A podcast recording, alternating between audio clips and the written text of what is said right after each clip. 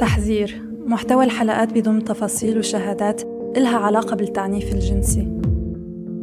عم تسمعوا بودكاست شرف برنامج صوتي من إنتاج الآن إف إم. بيسلط الضوء على قصص نساء ناجيات من جميع أنواع التعنيف. الموسم الأول رح يركز على التعنيف الجنسي. قصص عادية من كتر انتشارها.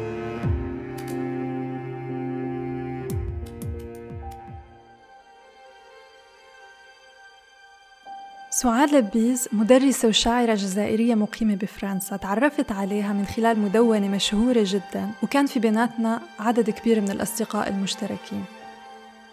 هي أول ضيفة لإلي بتقبل تتكلم بهويتها الحقيقية وبصوتها الطبيعي.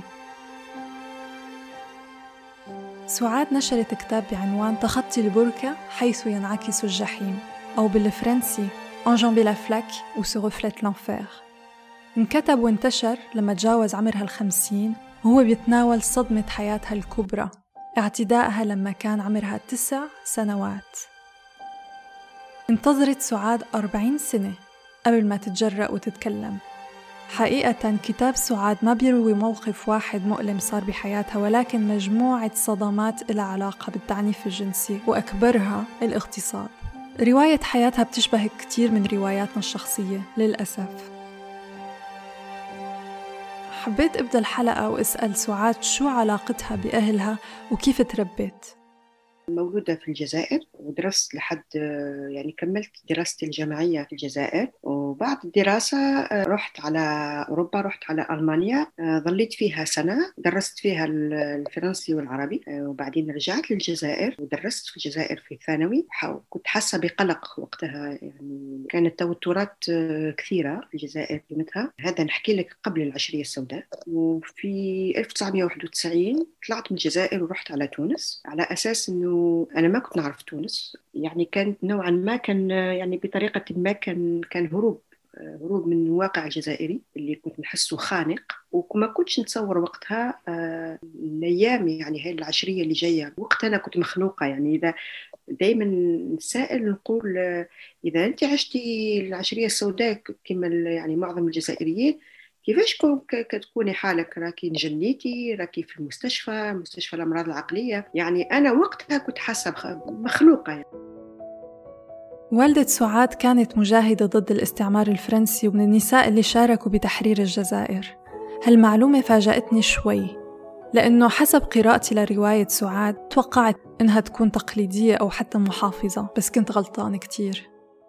أما بابا ما كانش عنده كلمة في تربيتنا. كان تارك الأشياء ليما يما كانت مش محافظة يعني كانت مرأة. يما تربت في فرنسا ورجعت للجزائر في 1962 وقت الاستقلال. وأمي وبابا الاثنين شاركوا في عن بعد في تحرير الجزائر. يعني أمي كانت تحمل الوثائق وتحمل سلاح من مدينة لمدينة في فرنسا ويروحوا على ال ال على على المدن القريبة من إيطاليا ومن من الأماكن يعني كانت بتسهل سهل نقل الوثائق وثائق الحرب وثائق المتعلقة بالثورة الجزائرية. حسب تجربة سعاد وكثير من النساء الجزائريات اللي صح لي أتعرف عليهم واقع الشارع الجزائري صعب مثل معظم شوارعنا العربية للأسف. بس ببعض المدن الجزائرية وجود النساء بالأماكن العامة بيختفي تماماً بعد الساعة 6 مساء مثلاً. الشيء اللي أنا لاحظته اللي هو يمكن جزء من الجواب على سؤالك ولا على جزء من سؤالك إنه أنا أول ما وصلت على تونس في 1991 حسيت اختلاف كبير في الإحساس في الفضاء العام في الفضاءات العامة وفي العلاقات بين الجنسين. هذا اللي حسيت. وهذا اللي خلاني أحس بأمان في تونس أمان اللي ما كنتش نقدر نحصل عليه في الجزائر في الفضاءات العامة. ولا في أي مكان. رجعت في 2002 رجعت على الجزائر بعد غياب عشر سنوات. ما ما نقدرش نقول لك لأنه ما قعدتش كثير وكنت ما كنتش نطلع كثير لوحدي في الشارع. أما هناك شيء مهم نقوله لك إنه الإحساس لما ترجعي وانت آه، عمرك آه، أكثر من 40 سنة مش هو الإحساس اللي لما تكون عندك وانت تكوني في سن المراهقة وفي سن الشباب يعني لما تكوني صغيرة. فالمرأة في اللي بعد ال 40 سنه نظرات المجتمع تختلف عليها في الشارع يعني. أما كنت نشوف بعيني إنه البنات لما يفوتوا نشوف كيف الأولاد آه، رجال ولا شباب يطلعوا فيهم. مش غير شباب هما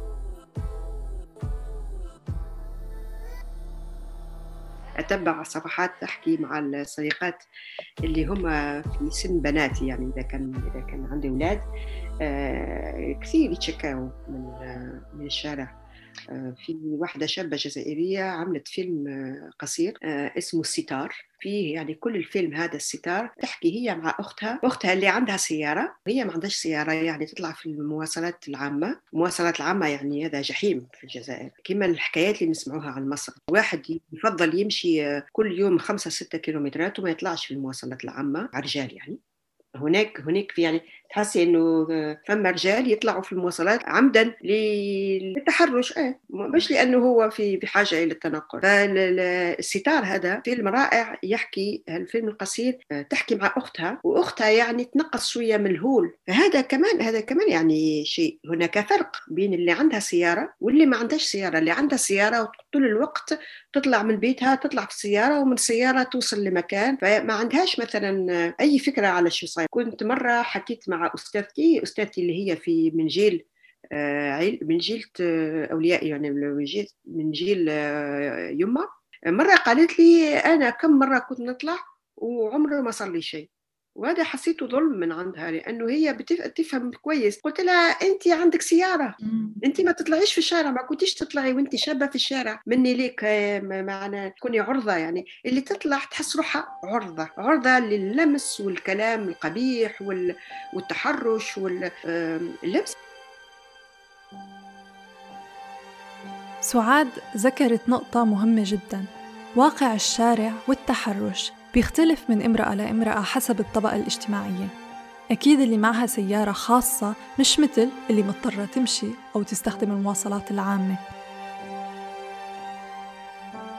اللي يعرف مصر ويعرف التحرش في مصر يعرف إنه الجزائر أقل شوية. أما إحنا كلنا في الهوا سوا يعني. آه في المغرب شيء يخوف. اللي عايشينه البنات والنساء في المغرب آه مرهب وفي كلمة استخدمتها سعاد لتعبر عن شعورها. كلمة كل جزائرية أو جزائري بيعرفها. الحجرة. الحجرة هي عبارة عن غضب داخلي ومكبوت. انتظرت سعاد أربعين سنة قبل ما تتجرأ وتتكلم. حقيقة كتاب سعاد ما بيروي موقف واحد مؤلم صار بحياتها ولكن مجموعة صدمات لها علاقة بالتعنيف الجنسي وأكبرها الاغتصاب. رواية حياتها بتشبه كتير من رواياتنا الشخصية للأسف. الكتاب كتبته في الخمسين ومن قبل ما نكتب هالقصة بهذه الطريقة بأسلوب مباشر يعني نحكي عن اللي صار. آه كنت أول تقريبا من أول النصوص اللي كتبتهم آه وأنا صغيرة يعني كنت في تونس. لما وصلت على تونس لما حسيت براحة نفسية كتبت آه، نص آه، عن بطريقة يعني هو نثر شعري. آه، حكيت فيه عن كيف يقولوا يعني بطريقة خيالية حكيت عن على اغتصاب لم يعني وهذا النص كان أول حجر هو كان حجر الأساس لأول كتاب طلعته أكثر من 30 سنة من بعد. يعني هذا أكثر أقل من 30 سنة يعني أكثر من 20 سنة. هذا آه هذا النص صار آه باب من أبواب آه روايتي اللي اسمها J'aurais voulu être un escargot فحكيت أول مرة حكيت على إحساسي كان هو كان لازمني نحكي الإحساس أكثر من إنه أحكي اللي صار. لأنه ما حكيتش على اغتصاب حكيت على الإحساس بعد ما البنت راحت مع آه، واحد رجل رجل ما كان كان في الشارع. ما تح ما تحكيش اللي صار تحكي بس إحساسها بالخنق وكذا. ما جتني فكرة أكتب عليه. إلا لما صار عندي 51 سنة الكتاب طلع من في 2019 آه لا لما الكتاب اتنشر كانت أمي آه، توفت سنتها. آه وأنا ما قدرتش نكتبه قبل ما أمي تصير عندها مرض الزهايمر وإنه أنا عارفة إنه مش حتفهم إذا قراته مش حتفهم يعني مش حجرحها بهالاعترافات إذا فينا نقولها الاعترافات أنا وأنا بكتب الكتاب مش عيون دمع أنا يعني غرقت في الدموع غرقت في الغصرة آه، غرقت في يعني إحساس بالظلم. وقعدت أتساءل كل مرة لأنه كان النص طويل بالنسبة لي كتابته كانت طويلة مع أنه هو قصير لأنه يعني رجعت له كم مرة في خلال ثلاث أربع أسابيع ويمكن أكثر. آه، كانت كل مرة أحس بقهر أحس بقهر أنه كبرت بهالأسرار. هذا شيء موجع ما يخليني هذا اللي يمنعني حاليا نحكي عليه بصوت بصوت عالي يعني بصوت بصوتي. والطريقة الوحيدة اللي نعبر عليه هو آه، الكتابة هو الشعر طبعا خاصة ليش سعاد اختارت اللغة الفرنسية لتكتب عن هالصدمة؟ هل الموضوع له علاقة بخوف معين إنها تعبر باللغة العربية؟ وشو كانت ردة فعل والدتها؟ بالنسبة للكتابة باللغة الفرنسية هي كتابتي يعني أنا ما بكتب بالعربي وما أعرفش ليه يعني الفرنسي هي لغتي. اللغة لغتي لغة تفكيري ولغة تواصلي ولغة ثباتي الأدبية والتفكير خاصة. أما على حكاية أنه يكون المجتمع يكون العيلة محافظة ولا لا ما عندهاش في حالتي أنا ما عندهاش دخل. ما عندهاش دخل هي لأنه القصة اللي نحكيها حكيت أنا الكتاب يقول إنه الطفلة سعاد ما وقتها ما قالتش اللي صار لها. لأنه أمها بصياحها منعتها من الكلام. فهمت إنه هي غلطت لأنه طلعت من البيت وفهمت إنه الأحسن تسكت وما ما تتقدمش في في في الحكاية لأنه شافت الرعب اللي على وش أمها في في صوت أمها وفي الصياح. آه، وبعدين الكتاب يحكي إنه الطفلة تقول الحمد لله ما قلتش اللي صار وإلا شو كان حيصير شو كان حيصير فيا يعني من كلامها من الكلام الجارح. سعاد ما قدرت وقتها تحكي لأمها بشكل واضح عن الاغتصاب. مجرد إنها قالت لها عن رجل غريب حاول يتحرش فيها بالشارع سبب صريخ أمها. كيف؟ لو حكت لها عن الاعتداء. أمها حرمتها من مساحة أمان. أنا في وقت من الأوقات كتبت كي رسالة ليما لأنه علاقتنا علاقتنا علاقتي بأمي صعبة جدا يمكن من هذا الحدث يمكن من قبل. حكيت لها آه، كم حاجة يعني أقريت يعني كان قريت قلت لها صار عندي في عمري 45 سنة ولا مش عارفة قد إيش يمكن أقل. وأنا عارفة أنك أنت ما تفهميش ليش أنا عندي علاقة صعبة بيك. إحنا بينا كذا كذا كذا. ومن الأشياء اللي قلتها قلت لها لما كنت صغيرة ما قدرتش نقول لك حاجة صارت لي. فوقتها هي ردة فعلها إنه بعثت لي شيك بعثت لي فلوس. مش عارفة يعني أنا أنا أنا أنا أنا ما نلومهاش أنا ما نلومش أمي. أنا ما نلومش أمي على ما نلومهاش لأنه أنا ما نعرفش هي وش عاشت. أنا سمعت من سمعت بعد بعد ما كتبت هالكتاب في خالة من خالاتي. قالت لي آه، احكي لي على خالي المتوفى. قالت لي هذا أخونا كان أكبر منا كان يعمل فينا حاجات أنا والبنات. قالتها بالكلام يعني ما قالتش أكثر. وقتها أنا فهمت ليش أنا أمي كانت ما تحبش هذا أخوها. في يوم لأنه كان عايش في فرنسا. بس مثلا خلتني آه، نروح نزوره. يعني أنا أقول إذا يعني في شيء غريب في تصرفها معايا. كيف كانت تتركني كل مرة أكون في أماكن؟ نقدر نتعرض فيهم للأسف كم من أمهاتنا حملوا أسرار وصدمات مؤلمة بمجتمع صعب الحكي فيه. العجيب بتصرف والدة سعاد إنها ما كانت تعترف بشيء اسمه عذرية أو ما كان يهمها أصلا حكي الناس. غضبها كان فقط موجه على بنتها. في حالة أمي صراخ أمي يما لما عيطت هي لأنه انصدمت. ولما انصدمت أمي ما يهمهاش قيل والقال وما يهمهاش العذرية مثلا. أمي عمري ما عمرها أمي ما قالت لي لازم تكوني عذرة. عمري ما قالت لي أمي لازم تحاذري على عذريتك. يعني هذا كان سبب لي أنه أكتب بهذه الطريقة الكتاب. إذا تتذكري كملت الكتاب بسؤال. يعني قلت فيه ورحت أتساءل عما أصبحه هؤلاء الأطفال المروعين وكيف يتعاملون اليوم مع بناتهم. شوية من قبل هذا هذه السطور آه، في الكتاب الكتاب يتساءل عن ما عاشه آه، الكبار اللي ما عرفوش يسعفوا الطفلة الصغيرة سعاد. يعني بتساءل نقول هما هما واش عاشوا؟ واش عاشوا هما اللي نزع منهم إمكانية التجاوب مع طفلة صغيرة تعذب.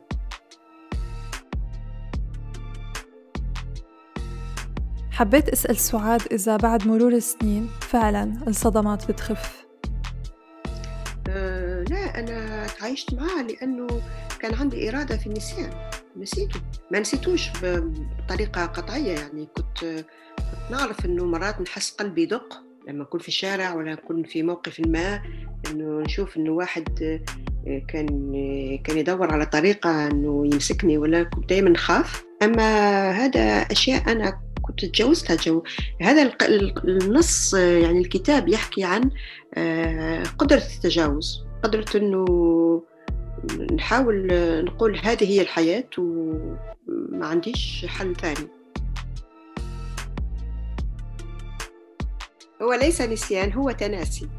واحد يتعمد إنه ما يفكرش في كل الحمد لله عندنا نسيان. والحمد لله عندنا آه هذه ملكة قدرة آه التناسي ولا التغاضي يعني وإلا بنجن لا أنا مع على طول. صاحبة الفيلم هذا القصير آه، اللي اسمه ستار بتحكي على هذا النسيان العلاجي كمان كانه oubli traumatique هي تحكي إنه نسيت آه، مرة واحدة وفي يوم من الأيام رجعت لها يعني لذلك تسميه ستار لأنه كأنه في ستار راح آه. لا أنا ما صارش ما, ما نسيتش. يا ترى كمدرسة كيف اليوم قدران السعادة توعي طلابها؟ أما أنا لما نقول لك الرغبة ما نحكيش إلا على الرغبة الجنسية نحكي لك على رغبة التسلط رغبة إنه هذه أنا نحب ناخذها. زي اللي يسرق يعني يقول هذا هذا نحبه أنا أنا ناخذه. في من شهر ثلاثة أشهر تقريبا آه، كنت في مرسيليا كنت في ثانوية في فرنسا يعني آه، مع أستاذة وطلبة في قسم وجات حضرت معنا آه، مديرة المؤسسة. مرة تقريبا أكبر شوية مني يعني يمكن عمرها مش عارف يعني أكثر من خمسين سنة. آه، حكاو حكينا في في حكينا في في موضوع الاغتصاب وفي موضوع كتابي. آه، وحكوا وقتها طلبة جاء في سياق الحديث جاء الحديث عن لباس البنات. عن التنورة. صارت مشاكل كبيرة مع التنورة في فرنسا على فكرة. القصيره والطويلة. فنحكي على لباس لباس البنات يعني. فالطلبة بنات وولاد يعني ذكور وإناث آه، البعض منهم قال إنه المشاكل اللي تعيشها البنات جاية من لبسها ولا من المكياج ولا من إنه هي عندها إنه البنت اللي تحب تغري بهذه الطريقة هي اللي بتلبس بهذه الطريقة هو آه، رغبة منها في الإغراء ويعني ما تستعجبش إنه يصير لها اللي يصير لها. فوقتها المديرة حكيت تقريبا نفس المو... بنفس الطريقة كالطلبة. قلت في قلبي يوف أنا أنا ناقصه أنا نحكي مع الأولاد وأنا نحكي مع المديرة اللي أكبر مني في السن واللي هي مديرة مؤسسة وجاية تحكي للطلبة يعني على من مكانتها يعني من مكانة إدارة المؤسسة. يعني معناها كانت أستاذة. فوقتها أنا حكيت معاهم. أنا دائما يجوني مرات يجوني آه، أجوبة غريبة شوية تكون غريبة الأطوار. قلت سألت الأولاد قلت له هادو اللي قالوا الطفلة كانت بنت وولدين حكوا بنفس الطريقة بنفس بنفس الطريقة يعني إنه البنات إذا ما يلبسوش منيح الأولاد يقدروا يعملوا فيهم اللي يحبوا. فقلت لهم إذا تصوروا تصوروا إحنا عايشين تكونوا عايشين في حي فقير كله فقير. قالوا لي إيه. قلت لهم تصوروا لسبب ما واحد حصل على حصل على إمكانيات اشترى سيارة حلوة. سيارة حلوة جدا وجاء صفها في في الحي. وتصوروا إنه جماعة الحي يقوموا يسرقوها له ولا يكسروها له. ويقول لك كيف كيفاش هو؟ ما يستحيش. ويجي يصف في حينا اللي إحنا محرومين من السيارات يجي هو بهاي السيارة الجميلة اللائقة يجي يصفها في الله في قل قلت لهم سألتهم قلت لهم وش تفكروا أنتم في هذا الموضوع؟ قالوا لي لا ما عندهمش الحق هذا ملكه. قلت لهم نفس الشيء بالنسبة لجسد البنات والأولاد. الجسد ملك من يحمله. يعني هذه ملكية خاصة. كيف ما أنت تفكر أنه السيارة ملكية خاصة هذا الشيء هو ملكية من اشتراه. وما وممنوع تمسه له ولا تسرقه له ولا تخربه له نفس الشيء بالنسبة لجسد البنات. وقتها المديرة جات قالت لهم معها حق. وقتها جات قالت لي يا مدام يعني كلامك مهم وأنت ما كانش لازم تيجي لقسم واحد كان لازم لازم نحكي قدام مجموعة كبيرة من الطلبة لأنه هذه طريقة الدفاع عن الجسد. قلت الجسد مهم جدا. هذا الشيء الشيء تقريبا الوحيد مع الأفكار اللي نمتلكوه ولازم نمتلكوه بطريقة كاملة 100% وما ما كانش أي حد عنده حق عليه. لا يضربني ولا يغتصبني ولا يدفعني ولا ولا يسبني ويقول لي انت حلوة ولا مش حلوة.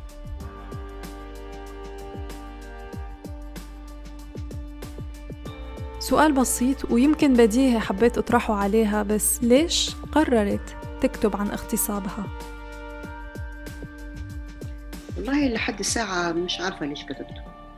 هي في في في في السؤال في في ضربين يعني في وقتين.